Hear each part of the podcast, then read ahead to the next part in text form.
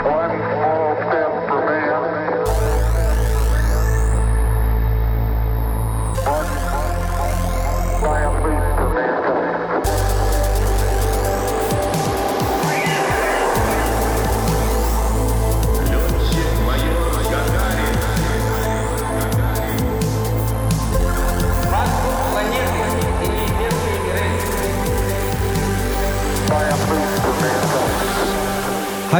Velkommen til Spaceboden, romsnak i sofakroken.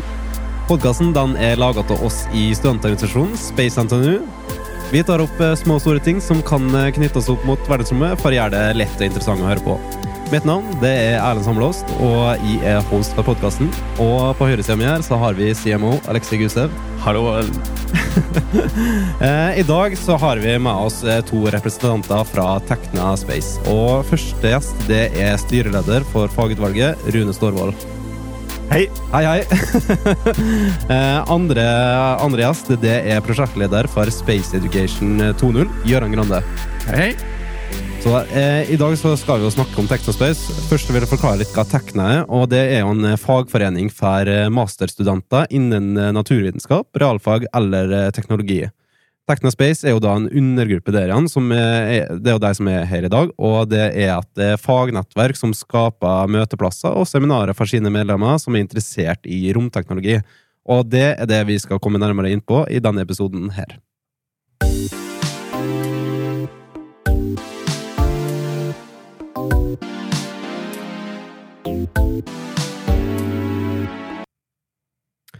Ja, eh, jeg tenker det er alltid kjekt å bli litt eh, bedre kjent med gjestene våre før vi begynner selve episoden. Så vi kan jo starte med det, Gøran. Eh, Kan du ikke fortelle litt om deg sjøl? Eh, jo, det kan jeg jo gjøre. Jeg eh, jobber jo da i firmaet som heter Anja Space, da, nærmere bestemt innenfor det som heter Anja Space Education. Og da ligger det jo selvfølgelig knytta opp mot utdanning, da, som er, som er den biten som jeg jobber med. da. Eh, og så jobber jeg med et, med et prosjekt som sted, som heter Space Education 2.0. Eh, har jeg bakgrunn også som sivilingeniør eh, fra før av innenfor romteknologi. Og selvfølgelig så er jeg jo eh, Tekna-medlem også, det kan jeg jo avsløre, da. Ja, så kan jeg si jeg er veldig glad i, ellers i alt av space og natur, og det finner du veldig mye av på Anja, begge delene. Men, men, men så du har faktisk Du er faktisk sivilingeniør innenfor romteknologi? Ja, um, jeg studerte ved Universitetet i Tromsø, da, eh, det som heter New Campus Narvik, da, eh, Ja, tilbake ok. for noen år siden. Da hadde de et, et, et studio som heter romteknologi. da. Så jeg, jeg var ferdig der i 2004, da, så det var kjempespennende. Ja, eh, år der, sånn. ja. Fordi Så du har da ca. 15 år i industrien nå? nå. Ja, jeg har jo faktisk jobba mesteparten av tida da med innenfor utdanning. Så for jeg jobba også på universitetet da med, eh, som høyskolerektor før jeg da begynte ved Anja Space Education. Der har vært nå ja, 15, 15 år omtrent. Ja. Det er jo heftig. Så, så, så, men men eh, på en måte de, de årene på Når du studerte romteknologi, visste du liksom hva du, hva du går mot, eller var det Nei, jeg, visste vel egentlig ikke det. Altså, jeg husker jeg så plansjen egentlig, også med, med de retningene du kunne, ulike retninger du kunne studere på universitetene osv. Mm. Mm. Eh, når jeg var på videregående. Og så så jeg det her romteknologi. Nei, det, det, det jobber jo ikke Norge med. Altså, ikke Nei, nei, nei. nei. Men, men det var mange tilfeldigheter som gjorde det sånn at, eh, at jeg endte opp å søke på der, og angra ikke på det. Det var, det var knallartig å gå det studiet der, og ble involvert i romprosjekter sjøl. Og jeg må si det, en liten sånn kul ting. da, sånn, Den masteroppgaven min var, var, var jobbing med en, med en eh, studentsatellitt, en europeisk satellitt, som Ja, var flere ok. europeiske universiteter som var med da. Eh, og da, da er det bare litt å tenke på, hvor lang tid tar det egentlig i et sånt satellittprosjekt da? Det endte opp med at oppskyting av den satellitten der, den ble skutt opp i 2019. Altså, Ja. Lenge etter at det var ferdig, liksom. Ja. Så eh, ja, ting tar tid innenfor rombransjen også, da. men, men nå eh, skjer det jo andre ting også som eh, gjør at det skal gå litt kjappere. da. Med, med, Ja, ikke sant. Hva, hva var det den eh, satellitten eh, gjorde, da? Eh, Den, den eh, gjorde forskjellige målinger og skulle ta bilder av, av jorda. Det var en ganske stor satellitt på størrelse med en vaskemaskin. Da, sånn sett. Så jeg hadde, mitt fokus var på, eh, på styring og orientering av, av satellitten. Så jeg hadde mer den teoretiske bakgrunnen av det. Så satt vi et lite team da, både i, eh, på, eh, i Narvik, og så hadde vi også noen studenter også da fra, fra, fra NTNU, så vi samarbeidet om dette og, og leverte våre resultater videre. da. Men jeg tippa det var neppe noe til det som jeg gjorde, da, som, som, jeg, som var med da til slutt. Altså. Oh, ja, ok, så, Ja. Det, så det er ikke sånn at det er helt sikkert at det faktisk blir med, det man jobber med? Eh, eller er det Eller var det Nei, det var så lenge siden? Det, Det itererer jo, altså det er jo et prosjekt som har gått over lang tid Å, og iterert. og sånn Mm. sett, så, eh, så der var det nok eh, gjort såpass store endringer. så eh, Ikke det at jeg har vært og sjekka algoritmene og det som, eh, det som er laga da. Men du har han ja. hatt en liten hånd innom der? Ja, det er kult å være sånn check. Ja, har vært, litt vært med på det, da. Men sånn generelt når man tar de, altså sånn romteknologien, hvis man studerer det, er det vanlig at man på en måte jobber på faktiske prosjekter? Eller er det sånn at det er mest teori sånn eh, på en måte uten å, uten å faktisk være borti en satellitt, da? Det er veldig forskjellig da, altså hvordan man har det på de ulike institusjonene i Norge. da, sånn sett. Eh, På NTNU for eksempel, så, så finnes det jo ulike forskningsprosjekter også der, der man tillater også at studenter kan være med. Og så er dere jo kjent med selvfølgelig de studentorganisasjonene som kjører eget opplegg da, rundt det. absolutt. Så det gjøres på ulike måter, da, sånn sett, eh, det som er der. Det, det som trengs, er jo et brennende engasjement fra de som eh, deltar på det. Altså, Nå skjer det så mye da med space, eh, spesielt i Norge. da. Så, Det, det, det er jo slik som eh, en av medlemsorganisasjonene våre, Orbit, så Ja. kjører jo de jo master- og bachelorprogram og sånn. Ja. Det her var det noen ph.d. òg, tror jeg. Som vi, det er ganske interessant å tenke at eh, det går an å skrive master om liksom, studentprosjekt. For jeg vet, det føltes veldig rart før, i hvert fall når, jeg, Ja. når vi startet i, Vi har begge vært i orbit her eh, for en god stund siden. Da. Og når vi startet der, så tenkte jeg at eh, altså, denne satellitten blir jo ikke skutt opp om, før om 100 år, helt sikkert. Altså, jeg blir jo aldri ferdig med den. Men det er ganske sykt å tenke på at den nå, den, nå har jeg jo studert der i fem-seks år, eh, og eh, nå blir den jo faktisk snart Mm. levert til USA for Nå- oppskyting. Nå under innspilling så er det vel to dager igjen til den blir sendt ja, til USA. Uh, Ja, det er helt sykt. Det er faktisk helt Jeg møtte dem, eh, den gjengen litt grann før, før jeg kom hit nå, og de er heltent nå. da, så På lørdag, lørdag går den av gårde, liksom. To dager. Ja, det er veldig kult. Så vi har jo det og Rune her på plass. Eh, Du kan jo slippe det og litt til mikrofonen. Eh, Fortell litt eh, om din bakgrunn. Ja, jeg har jo ikke en bakgrunn som rakettforsker, men jeg har en bakgrunn i fysikk og optikk. Ja. okay. Og så har jeg en doktorgrad i atmosfærefysikk. Og så tenker vi hvordan eh, atmosfære Vel, det er ikke noe atmosfære i rommet, men skal du måle ting fra rommet, så må du måle gjennom atmosfæren. Og der kom koblinga til rom. Ja, okay. Eh, for at eh, da bruker jeg den kunnskapen om hvordan lys går gjennom atmosfæren, og hvordan atmosfæren påvirker lyset, sånn at vi kan gjøre bedre målinger fra satellittene. Ja, ok. Så er det liksom Eh. brytningspunkt og litt sånn eh, forskjellige Ja. aspekter å ta hensyn til. da. Så, så eh, nå i dag så er jeg jo avdelingsleder i NORSE, for en avdeling som heter observasjonssystemer. Vi er ca. 40 forskere som jobber da med satellittfjernmåling, dronefjernmåling og modellering og varsling. Eh, Så eh, vi er nok et av de største miljøene i Norge innenfor jordobservasjon. Innenfor det. Mm. Akkurat. Og jeg har også en bistilling på NTNU, eh, så jeg har vært litt involvert i eh, Hypso, den nye satellitten som akkurat kom ja, opp. ja, ja, ja. Mm. Og det er jo utrolig artig at vi får så gode data ut av den, og jeg har jo undervist i flere år her, eh, og vi har brukt litt Rona for å løfte sensoren og teste, og nå kan vi endelig også da få data fra faktisk satellitt og, og bruke i kursene, så det blir veldig artig. Mm. Så det er kurs til høsten, så det må folk melde seg på. ja, det er veldig sant. For de som er og eh, våre fastelyttere, så vet jeg at vi allerede har hatt Hypso her på besøk. Eh, Så de som har lyst til, å lære litt eh, mer i dybden om dem, så er det bare å gå inn og sjekke der. Men, men når vi da hadde den på besøk, Mm. så var jo ikke den eh, sendt i, i verdensrommet ennå. Mm. Og det er litt sånn interessant, du har jo vært litt med på det, som du nevnte. Hvordan på en måte de dataene som du sa at dere har begynt å få, er, er, det, er det god data? på en måte? Har, det blitt, har alt gått etter planen? Ja, eh, det er nok så gode data som vi kunne forvente. eh, For at det er jo et veldig lite instrument. og i motsetning til tradisjonell space, der du sender eh, holdt på å si, en liten buss opp, og store instrumenter, så er jo det her eh, Ja, så er det jo her en eh, liten pakke på Det er vel en 6U såkalt enhet, da, så den er vel eh, 20 ganger 30 ganger 10 centimeter, cirka. Ja, ja. Eh, Mm. så det Selvfølgelig, det påvirker noe på kvalitet, men på en annen side så gir det jo mulighet til å gå mye raskere i gang og få det opp. Mm. Eh, men før jeg er helt ferdig liksom å si hvem jeg er, da, så Ja. eh, Du nevnte jeg er jo leder for fagutvalget i Tekna, Mm. og det er vi som koordinerer de faglige nettverkene. Det er 14 nettverk, og Tekna Romfart er et av dem. Akkurat. Og vi er jo ikke bare en studentforening, vi er en, eh, også en fagforening og en faglig forening med 93 000 medlemmer. Det er såpass, ja. Og ca.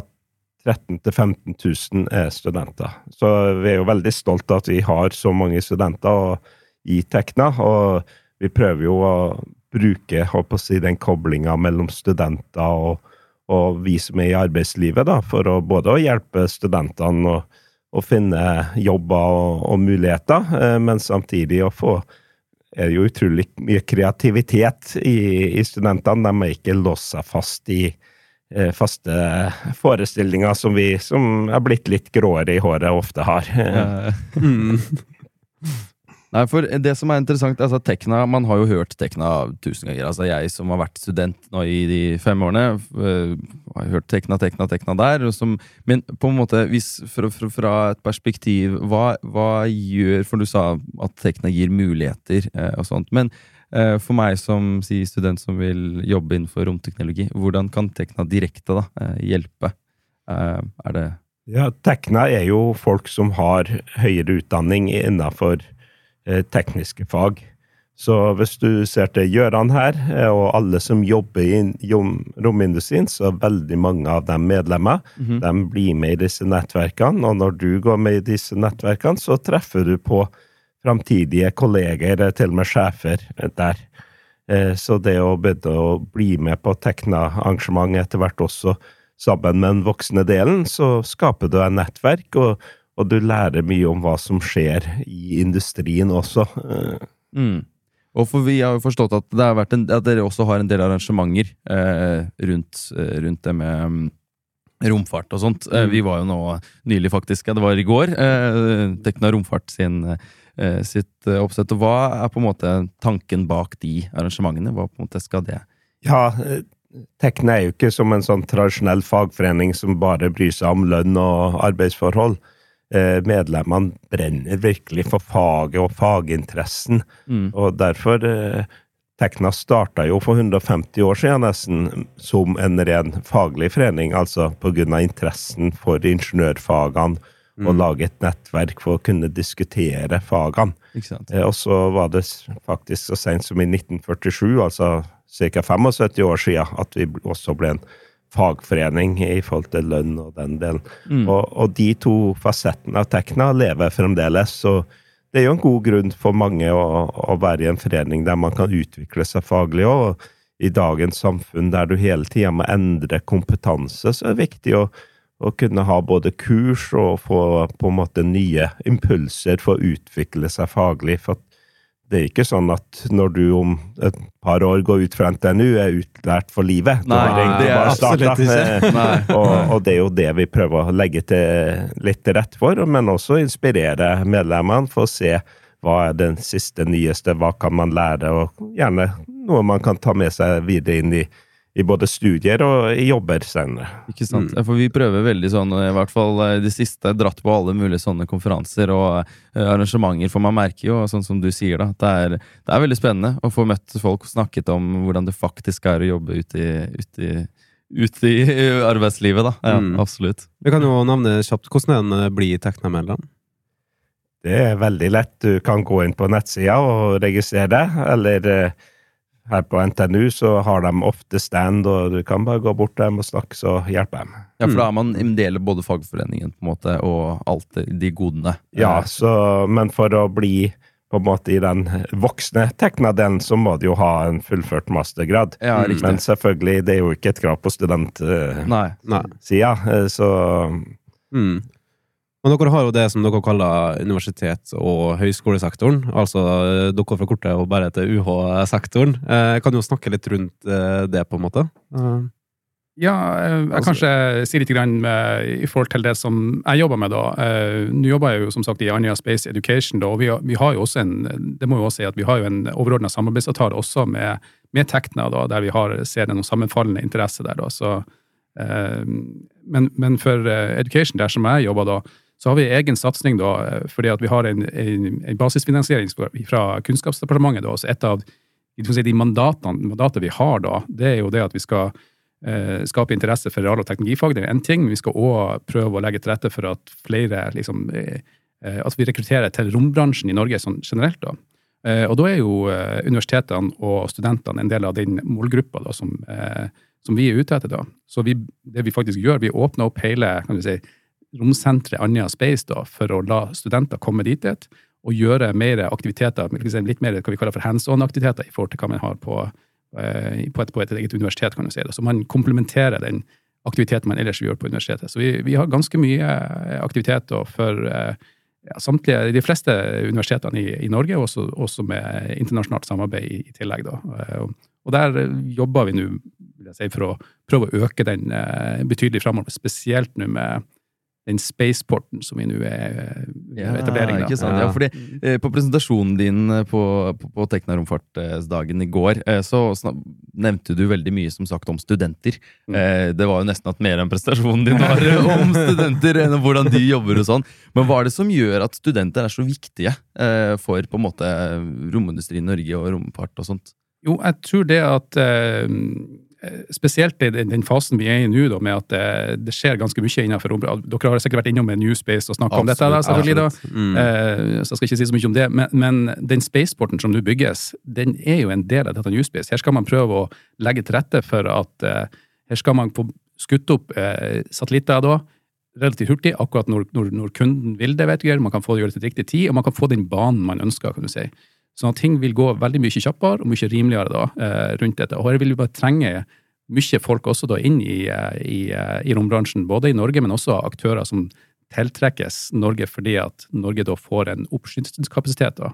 Mm. Så, så jeg får man jo til slutt egentlig hele verdikjeden i Norge, da, både med oppskyting, pluss at Kongsberg Satellite Service som har liksom nedstrømsbiten. Så, så det her var hele greia egentlig da i Norge. Det, Ja. Ja, det er Er det, er det et økende behov for jeg si, rekruttering uh, i bransjen? Jeg tror jo det vil komme fram, også ikke minst med, med muligheten for å starte opp nye bedrifter, altså startups osv. Så, videre. så det å tilrettelegge for den biten også tror jeg blir eh, meget viktig, da, for at du skal jo bruke mye av den, den dataen som samles inn fra de satellittene som skytes opp. Eh, her tror jeg det vil være et stort rom for å utvikle nye tjenester og produkter egentlig da, som eh, jeg og du på bakken kan, du si, kan, kan dra nytte av. egentlig da. Så det Mm. ligger et vanvittig potensial i det. Men eh, vi kan jo si som, som studenter, da, så er det veldig kult og veldig viktig eh, for oss. Eh, og vi har jo også viktig, viktig å si at eh, KSAT, som du nevnte, da, eh, de, de har jo hjulpet oss veldig mye, nå i hvert fall i det siste. Og eh, vi har jo i dag for første Mm. gang et profesjonelt kameraoppsett da, som KSAT har hjulpet å, å, å finansiere. Så det, det er veldig bra, da, at Mm. sånn som ja, de og, og, og dere løfter studentene så mye som mulig, og sånn som, som vi nevnte Orbit, at de faktisk får kommet dit, eh, dit de er, med, med deres hjelp. Ikke minst også bare vise de mulighetene som, som finnes der, både nasjonalt, men også internasjonalt, når vi snakker om ESA f.eks. Og det eh, Du begynner å bli mer kjent, men, eh, men men det er ofte en godt gjemt hemmelighet. Ja, altså, absolutt. Ja. Men du nevnte jo Newspace North, eh, som på en måte er den som skal bygge det innovasjonssenteret. Hva er grunnen til at den på en måte ikke har blitt bygget tidligere? Ja, hvorfor nå? Hvorfor ikke for ti år siden? Ja, nå er liksom målet med, med Newspace North er jo at det skal kobles tett opp imot den spaceporten, da, som for øvrig Ja, var satt spaden i bakken denne uka, sånn at de begynte bygginga. Ah.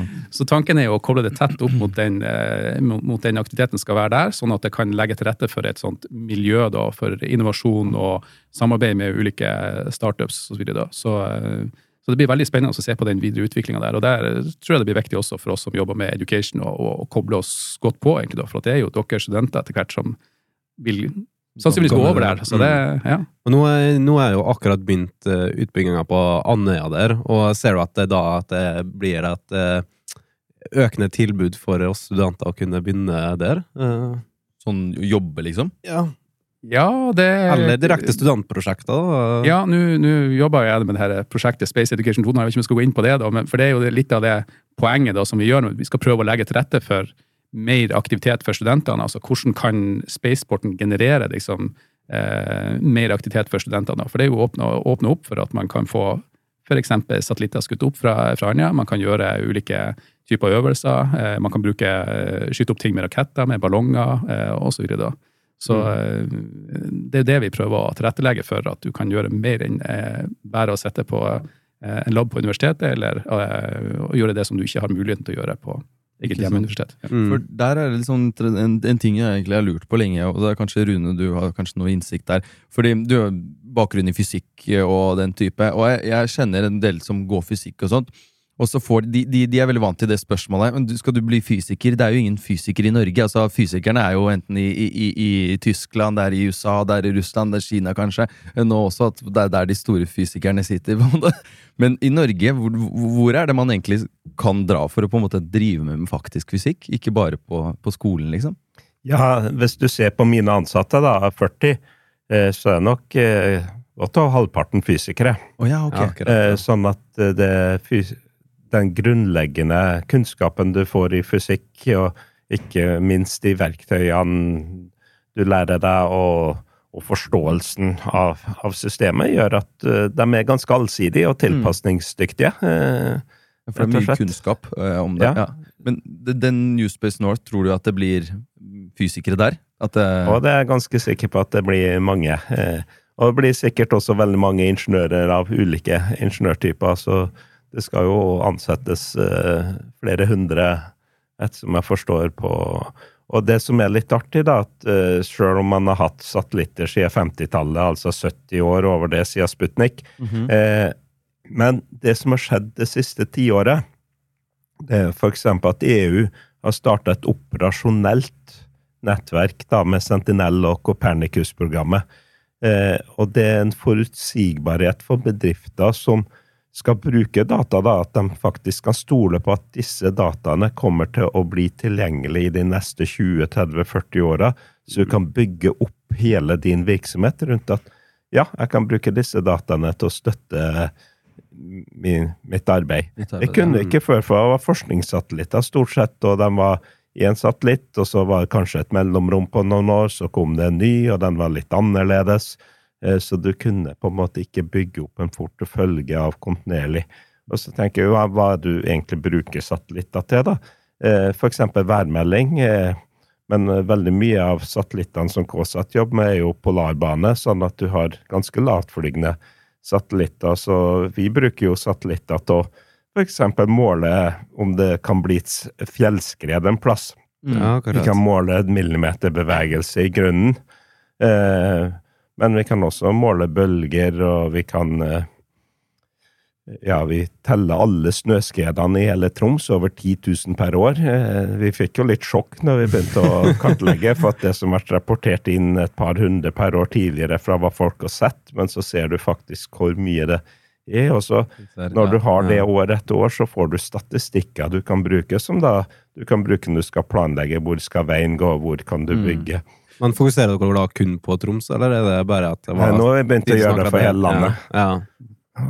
Og nå utvikler vi også en, sammen med NGU en tjeneste for hele Europa når det gjelder deformasjon og fjellskred, f.eks. Ja, akkurat. Hva, det du nevnte med Sentinel og sånt, er det, på en måte, er det data da som er åpent tilgjengelig for forskning og sånt? Det var det det som var betydelig pluss? For jeg antar at russerne og, og, og godeste og amerikanerne generelt sett ikke gir ut data fra sine eh, Nei, det er jo åpne data som er tilgjengelig. Ja. Og Sentinel er jo åpent for alle. Eh, men Norge betaler jo også for å være med i Sentinel, sjøl om vi er jo kunne fått de Mm. dataene gratis. Men det, når du da er med, så betyr det også at du kan få dataene enda raskere, Mm. og du kan være med å bestemme litt på hvordan de skal bli tatt opp. Så det medlemskapet Norge har, er jo utrolig verdifullt, og Norge er nok blant de som har mest valuta for pengene av vi har så store havområder, og Ja. vi har faktisk et overforbruk sånn sett av satellittdata sammenlignet med mange andre land. Ja, akkurat, ja.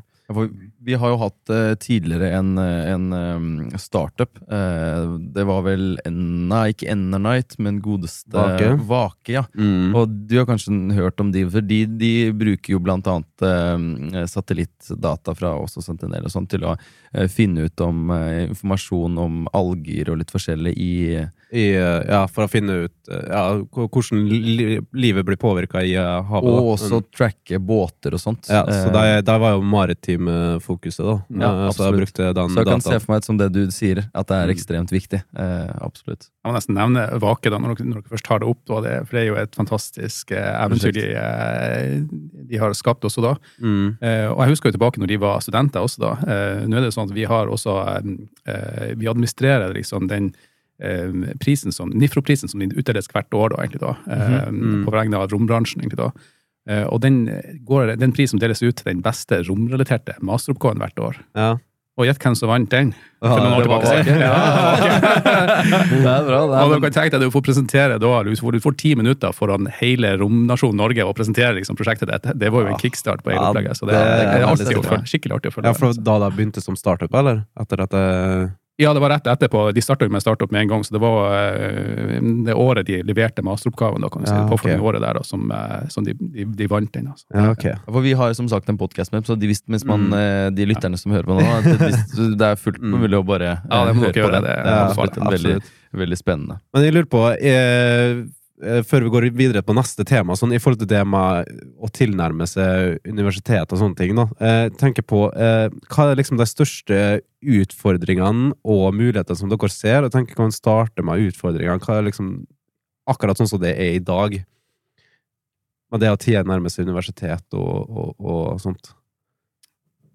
Ja, hva man skal si utfordringer eh, Jeg vil si at uh, det foregår ganske mye forskjellig uh, aktivitet ved de ulike universitetene. Altså, det foregår mye her. Uh, vi har Universitetet i Bergen som gjør ganske mye forskjellig. Det fikk vi høre i går også fra foredraget som er der, på, i, i Oslo, Tromsø osv. så, og Norge er jo en sånn liten nasjon, så det er liksom hvordan samler man seg i forhold til de, de ulike universitetene? For det er fragmentert, det som er der. Mm. Er det ønskelig med samarbeid? Er det ikke ønskelig? Og så, videre, Ja. da. Så jeg tror det er litt sånn av, av utfordring. Hva er, det, hva er det man skal satse på, og hva er det da um, industrien liksom, liksom trenger også, da? Spesielt med det den, den, den momentet som er nå, egentlig, da, i, eh, i Norge, da, med, med, med satsing. Hva, hva, hva som er de største? Er det liksom alle de der det er mest folk, er det òg naturlig mest eh, rominteresserte studenter, på en måte? Eller er det, merker du en skjev skjev fordeling? For jeg tenker jo Nord-Norge er jo litt sånn naturlig plass å tenke, men er det, hvordan er det egentlig? Ja, for det, det, det er jo også mye knytta til den forskninga som foregår ved de ulike universitetene. Altså, det er jo å se på f.eks. Universitetet i Tromsø, som har mye på eh, satellittfilmordning, som, som, som Rune var inne på. Han kan sikkert si veldig mye mer om det, som har jobbet tett med det miljøet der. da. Eh, og, og så har man Bergen, som vi hørte fra i, i forhold til den forskninga på lyn og alle de her tingene som, eh, med Birkelandssenteret som, fin, som finnes der. Og, eh, og så drives det jo i tillegg eh, rakettforskning og den biten som er der. Men ser man på studenter og det aktiviteten osv., så, videre, så, eh, så har det jo vært et, vanvittig moment de siste årene du var her i, her i Trondheim. Ja. Trondheim, Trondheim har kjørt på. Det, men det er jo en av de tingene vi også jobber for. Vi prøver Ja. altså sånn, Hele poenget med oss er å skape miljøet. Altså Mm. Øke miljøet så langt det Og går. Og vise det som skjer, at det får å det, promotere det, det, fram. det skjer også med de andre, da. Men det er jo klart Mm. dere har veldig mange studenter eh, ved NTNU også, da. Så Mm. eh, det er jo kjent med Oslo også, har jo også en egen sånn studentforening, da. Portal Space, begynt, for eksempel. Ja. da. Mm. Eh, Du har faktisk i høst i, så starta de opp også på Universitetet i Stavanger med sånn, de kaller seg for UiS og Aerospace. Da, så det kan Ja, ok. søke opp. Ja, okay. Og i Narvik så starta de jo også opp nå som en del av Universitetet i Tromsø da, med en sånn egen studentsatellitt som de akkurat nå har eh, skaffa til veie finansiering. Så det blir litt kult å følge dem. Så videre. Ja, Mm. Det som er litt artig nå, da, at eh, Norge har tradisjonelt sett vært et såkalt nedstrømsland. Eh, Det vil si at vi, vi har brukt satellittdata, men vi har ikke vært så aktive i industrien når det gjelder eh, det som skjer før du samler data, altså Ja, okay. konstruere, lage satellitter, eh, systemer. Eh, Og derfor har vi også hatt et underretur i spleiselaget som ESA, altså European Space Agency, er. Men nå ser vi jo da med ikke minst Spaceport eh, på Andøya eh, og, og det som skjer her, at vi begynner å bygge oss opp også for å ta mer av det oppstrømsmarkedet, som gjør at eh, vi kanskje får mer igjen fra ESA. For ESA er bygd på såkalt fair return.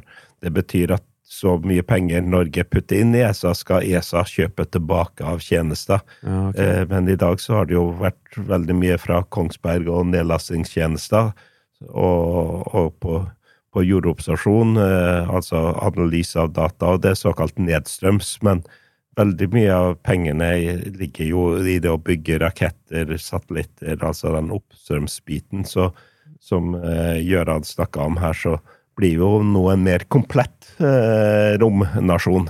For det du legger i oppstrøms, da, er det, det informasjon opp og ned, eller er det liksom oppstrøm med det å sende opp raketten, og så nedstrøm informasjonen ned, eller hva, hva, hva legger i det? Ja, Det blir det du sa, altså med det at vi her sender vi, her har vi da bæreraketter som plasserer ting opp i bane. Ja, Eh, også den nedstrøms, det er jo da den datastrømmen som man har nede. Altså. ja ok. Ja, jeg skjønner. Men tror dere da at um, nå som på en måte vi får eh, Andøya utbygget, at det på en måte begynner å bli med innovasjonssenter og sånn, vil det bli mer på en måte industri, sånn ordentlig industri i Norge rundt det, og faktisk kanskje bygge ja, litt større satellitter her? Eh, ikke på en måte kun deler, eller bygge litt raketter, eh, kanskje av ulik grad. For det, Andøya, det har vel blitt sendt en god del raketter, sånne raketter, eh, derfra, men ikke så mye større. Eh, hva tenker Jeg- dere? Jeg kan jo si, altså Den tradisjonelle virksomheten som har vært fra Anja, har jo vært på sonderakettsida, som du sier. Det har vært skutt kanskje over 1200 raketter siden de første god- raketten god- god, god ja. Eh, og det er relativt store raketter. Vi har vært oppe i syv tonn, som er kanskje 24 meter lang, da, men eh, nå snakker vi om noe helt annet ballpark. altså Vi snakker opp rundt 100 tonn nå, da. Eh, det som er 2,5 meter i diameter og 30 meter høy. Da, så det, Akkurat ja. Eh, Allikevel, det, det, det er smått i forhold til Elon Musk osv., men det er jo dedikerte oppskytninger for mindre satellitter opp til Du kan plassere opp til det er snakk om en 1,5 tonn i bane. da. Mm. Så det vil jo eh, det, jeg, jeg tror ikke vi er helt klar over hvordan ringvirkninger dette kan være. altså Alle som vil se til Norge. for at eh, Det vil jo være den eneste plassen i Europa der du har direkte tilgang og kan få skutt ting opp. Sånn at det vil tiltrekke seg ganske mange aktører. Eh, Store og små. skal jeg si. For det vi jo, eller ble jo snakka om litt i går på romfartskvelden. Eh, at eh, også det med at hadde det vært i Sverige for eksempel, og måtte skutt over Tromsø, så er jo liksom det er jo litt uheldig posisjon. Så det at vi har liksom den kysten, og at vi kan skyte rett i polar bane uten å eh, utsette ting for eh, så stor fare, er er vel det som gjør at vi sitter i en såpass god posisjon, da. Men er det, er det Blant annet. Ja, ikke sant. Mm. Men eh, er det noe mer som på en måte skulle til for den industrien? på en måte? Altså at Dere støtter jo mye mm, eh, studenter, ikke sant? Men går det noe støtte til si, private selskaper som startups, da, eller sånne type ting, fra deres? Ikke fra oss på Anja Space, da, det, det gjør det ikke annet enn at vi er partnere og støtter opp i ulike prosjekter sånn sett, man er, når man er med på, men, men nå har jo vi veldig fokus på den spaceporten og legge til rette for faktisk ja. opp, oppstrøms. da, sånn sett. Altså, vi tilbyr den oppskytningstjenesten. da, for det, Og det er kommersielt, det er ren kommersiell business som skal være der. Ikke sant? Mm. Men Eh, det, det ligger jo mye muligheter i European Space Agency. De utlyser mye konkurranser. og Jeg ser også nå at EUs rammeprogram begynner å utlyse. og Da er det fullt mulig, spesielt for småbedrifter, å bli med i EU-prosjekter. Blant annet da for å utnytte og utvikle nye Mm. produkter. Og det er mye fokus på i EU å, støtte opp under eh, SME-er, da. Mm. Såkalt small and medium size enterprises. Jeg tror det er viktig å si nå, hadde dere besøk av eh, direktøren på Norsk Romsenter, han, eh, Ja, Kristian Haug Hansen, altså, han fortalte sikkert litt om denne muligheten da, både for ESA, og ikke minst også har, eh, har Norsk Romsenter også et sånn følgemiddelprogram der man har muligheten mm. å søke spesielt for små bedrifter, sånn sett også, som det er Mm. eh, ja, viktig å kjenne til. Mm. I forhold til det med muligheter Nå jeg har jeg litt lyst til å snakke om det, det dere har drevet og jobba litt med de to siste åra her, og det er en sånn sommercamp for studenter på Andøya. Altså, hva er det som foregår der? Ja, Det har vært litt kult konsept. Koronaåret gjorde jo at man måtte tenke litt annerledes da, og eh, vi fikk jo ikke noe aktivitet med internasjonale studenter, eksempel. Det ble jo helt stengt ned da. Eh, Så i samarbeid med Norsk Romsenter da, så hadde vi en dialog. Hva kan vi finne på nå liksom, eh, for studentene som nå ikke har muligheten til å reise ut av landet? Da kan vi gjøre noe kult på, på Andøya. da. Så da kom vi opp med ideen ja, vi må lage en sommercamp. Hva skal den inneholde? da? Og da kunne man jo fort havna i det tradisjonelle. La oss bygge en rakett, og vi skyter opp en rakett, og så videre. Nei, vi må jo tenke litt annerledes, liksom. Og så kom jeg opp med den ideen. Eh, Hva med å involvere de som, de som normalt sett ikke deltar på dette? Altså alle andre, for rombransjen trenger så veldig mye andre områder enn hva det tradisjonelle vi har snakket om Ja, med ok, så- fysikere og ingeniører. da, så, så her var det snakk om å lage en, eh, en, en sommercamp som vi endte opp med å kalle for Finn din rolle i verdensrommet. Å, ja, ok. Ah, men det er jo stilig, så prøv å finne alle de som ikke den treffer den tradisjonelle. rett og slett, Men da. hvilke på en måte eksempler kunne du si? Altså Er det folk fra alle mulige typer eh, jobber og sånt? Eller, Ja, altså- eller hvor, hvor bredt var det, liksom? For å si det sånn, Når vi lyser, når vi lyser sånne camper da, som er eh, gratis og delt på, at vi har dekket alle disse tingene her, så får vi jo selvfølgelig allikevel masse ingeniører Ja, for jeg satt og tenkte på hvordan gjør dere det PR-messig med liksom å treffe folk som eh, ikke vanligvis ville ha søkt på en sommerkamp. Ja, for det hadde vi jo aldri gjort før, så det, Mm. dette var jo nytt også da for oss. Sånn at vi, Det var jo å prøve å forklare dette, at vi, var man ute etter andre typer områder. Det kunne være alt fra økonomer til eh, jurister til de som studerer medisin osv. Ja, Eh, og, og vi hadde så bredt. da. Ja, Sånn det, det var litt sånn, Jeg, går jo sjøl logistikk, og jeg meldte jo meg sjøl inn i Space NTNU fordi de jeg syns jo at det er veldig fascinerende. Men det er jo liksom som jeg har sagt til flere altså sånn eh, For det første er det noen som tror at de studerer Space Center eh, Space, eh, eh, Og så er det noen som er litt sånn eh, Så det at liksom at de studerer logistikk, men er interessert i space, og at du kan være i segmentet sjøl om du ikke direkte studerer enten fysikk eller data. Altså Du kan gjøre mange forskjellige ting da og fortsatt mm. treffe inn på, inn på det. Men det er ganske interessant, egentlig. Sånn, man, man tenker jo ikke om at eksempel astronautene de trenger jo mat. ikke sant? Jeg, jeg kjenner jo faktisk en som jobber som konditor. Og han, eller hun har nevnt at um, det er faktisk hun også kjenner en som faktisk har jobbet innenfor det her, innenfor rombransjen, med å faktisk finne ut eh, hvordan du skal lage det riktige. Hvordan skal den maten faktisk lages? Hvordan skal det vakuumpakkes på en riktig måte? Og det er jo en hel, det jo en hel eh, teknologi. altså Det er masse eh, ting bare for å få det riktig. Eh, Det er ikke bare å lage en suppe og så sende det opp. Men hva, hva gjorde dere på den eh, sommercampen, da? Det var jo å gi et lite innblikk i liksom, hva er det Norge gjør i rommet, altså med de ulike bedriftene, og, og ikke minst også i forhold til ESA. Hvilke muligheter er det som er der, både som student, men også som fremtidige si, jobbmuligheter. da. Eh, så det er klart, det, det, I tillegg til det så fikk man også gjøre litt sånn eh, praktiske øvelser. sånn at Man fikk bygge seg en liten sånn satellitt da, som vi ja, vi, vi skjøt ikke rett opp i bane, da gjorde vi ikke det, men, men, men eh, rundt 1,5 km opp så, eh, så kom det ned en liten fallskjerm der jeg kunne eh, liksom, Ja, okay. registrere og måle ned på det. Så, så vi fikk en smakebit av ganske mye forskjellig, egentlig, da, vil jeg si. da. Og så var det jo i ulike foredragsholdere fra mye forskjellig industri som, som var med, både fysisk og selvfølgelig digitalt i covid-året. da. Men var det flere Det var dere i Andøya, og så var det Norsk Romsenter. Var det flere som var involvert i denne her, eller? Eh, nei, det var vi som var da hovedarrangøren eh, bak det, da, sånn sett. Eh, og så hadde vi noen andre aktører vi leid, bare leide inn, da, som hadde foredrag, da, sånn sett. Men eh, Ja. Mm.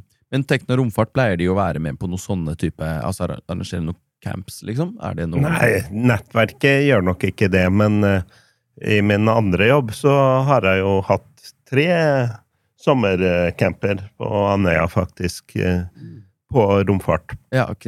Men- og, og det gikk på Ja, en så hadde vi fokus på havis, og så hadde vi en på vegetasjon, og så hadde vi en der vi fokuserte på oljesøl og deteksjon av det med satellittdata. Mm. Så det er jo veldig godt tilrettelagt der, egentlig, til å komme eh, med en eh, gruppe studenter og med, ha liksom. lokaler, liksom. ha gode opplegg og trente folk til å sette det opp. Og så bidro vi med noen eh, spesialister på ulik som kunne holde foredrag. Det er jo det som er litt kult, at man kan dra inn den ekspertisen. da, de som, eh, altså Vi har jo en grunnkompetanse, vi som driver det og legger til rette for den eh, undervisningsaktiviteten på Andøya. Men, men det er jo Rune og flere andre forskere da, som, som, som sitter på kompetansen, og ikke minst eh, bedriftene som er rundt omkring, som er med og bidrar inn, som gjør det så bra. Ja. Eh, jeg må bare legge til altså, at eh, Tekna Space har faktisk også et kurs på Andøya. da. Eh, de har også fått, jeg vet ikke om det er utlyst nå, men det kommer i hvert fall til høsten. da. Så skal det være på Andøya, og det er åpent da for, faktisk for lærer, lærere. egentlig da. Men i tillegg også for alle de som eh, ønsker å søke via Tekna Space. altså Er du medlem av Tekna? Du skal selvfølgelig søke hvis du ikke er medlem, da, men det er en, gjerne en litt høyere egenandel på det. Mm. Ja. Men de, de, den, den campen som du også nevnte nå, da. Hvor ofte skjer det, på en måte? Hvor, hvor, og hvor lett er det egentlig å, å bli med på noe sånt? Ja, den, den, Eller hvor som- vanskelig? Ja. Kanskje også en ting. Den sommercampen, ja, det gjorde vi jo for første gang da, eh, for to år siden. Da, eh, og gjentok den i fjor eh, med stor suksess. Vi, vi lærte selvfølgelig ting underveis også da.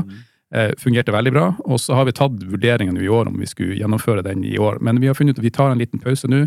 Så det blir ikke noe sommercamp nå i år. Og så håper vi at vi er tilbake igjen da med en, en eh, sommercamp da, som vi har utvikla litt videre igjen til, eh, til neste sommer. da.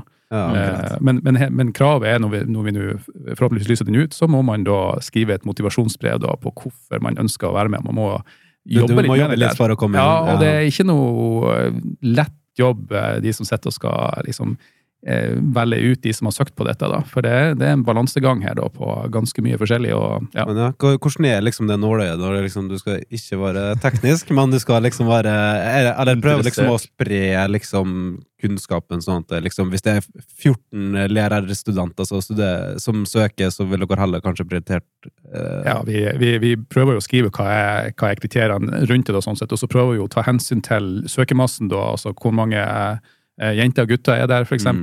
Hvilken bakgrunn, hvilket universitet kommer de fra, sånn at vi ikke ender opp med for eksempel alle fra Universitetet i Oslo, eksempel. Så, Ja. så det er jo òg en, en bit å ta hensyn til. da. Så man må Mm. se an søkermassen, kommer hvor mye det men det, det, det er noe vi har eh, gjort det sammen med Norsk Romsenter når man tar det ut. da. Så, er, Hvor, ma- hvor ja. mange som var, som deltok uh, sist? eh, Eh, vi hadde vel 24 deltakere da, eh, så det er det som er liksom maks antall eh, personer. Så da tenker jeg at vi kan runde av der, rett og slett. Det var veldig koselig å ha både det Gøran og Rune her i dag. Og veldig spennende. Mm. tusen takk for at vi fikk komme. Ja. Ja, tusen takk. Eh, og dere som syns det her var interessant, så er Spacepodden tilgjengelig på din foretrukne strømmetjeneste per podkast. Og vil du vite mer om SpaceNTNU, så sjekk oss ut på sosiale medier eller nettsida vår spacenetnu.no. Det var det vi hadde for i dag. Takk for oss.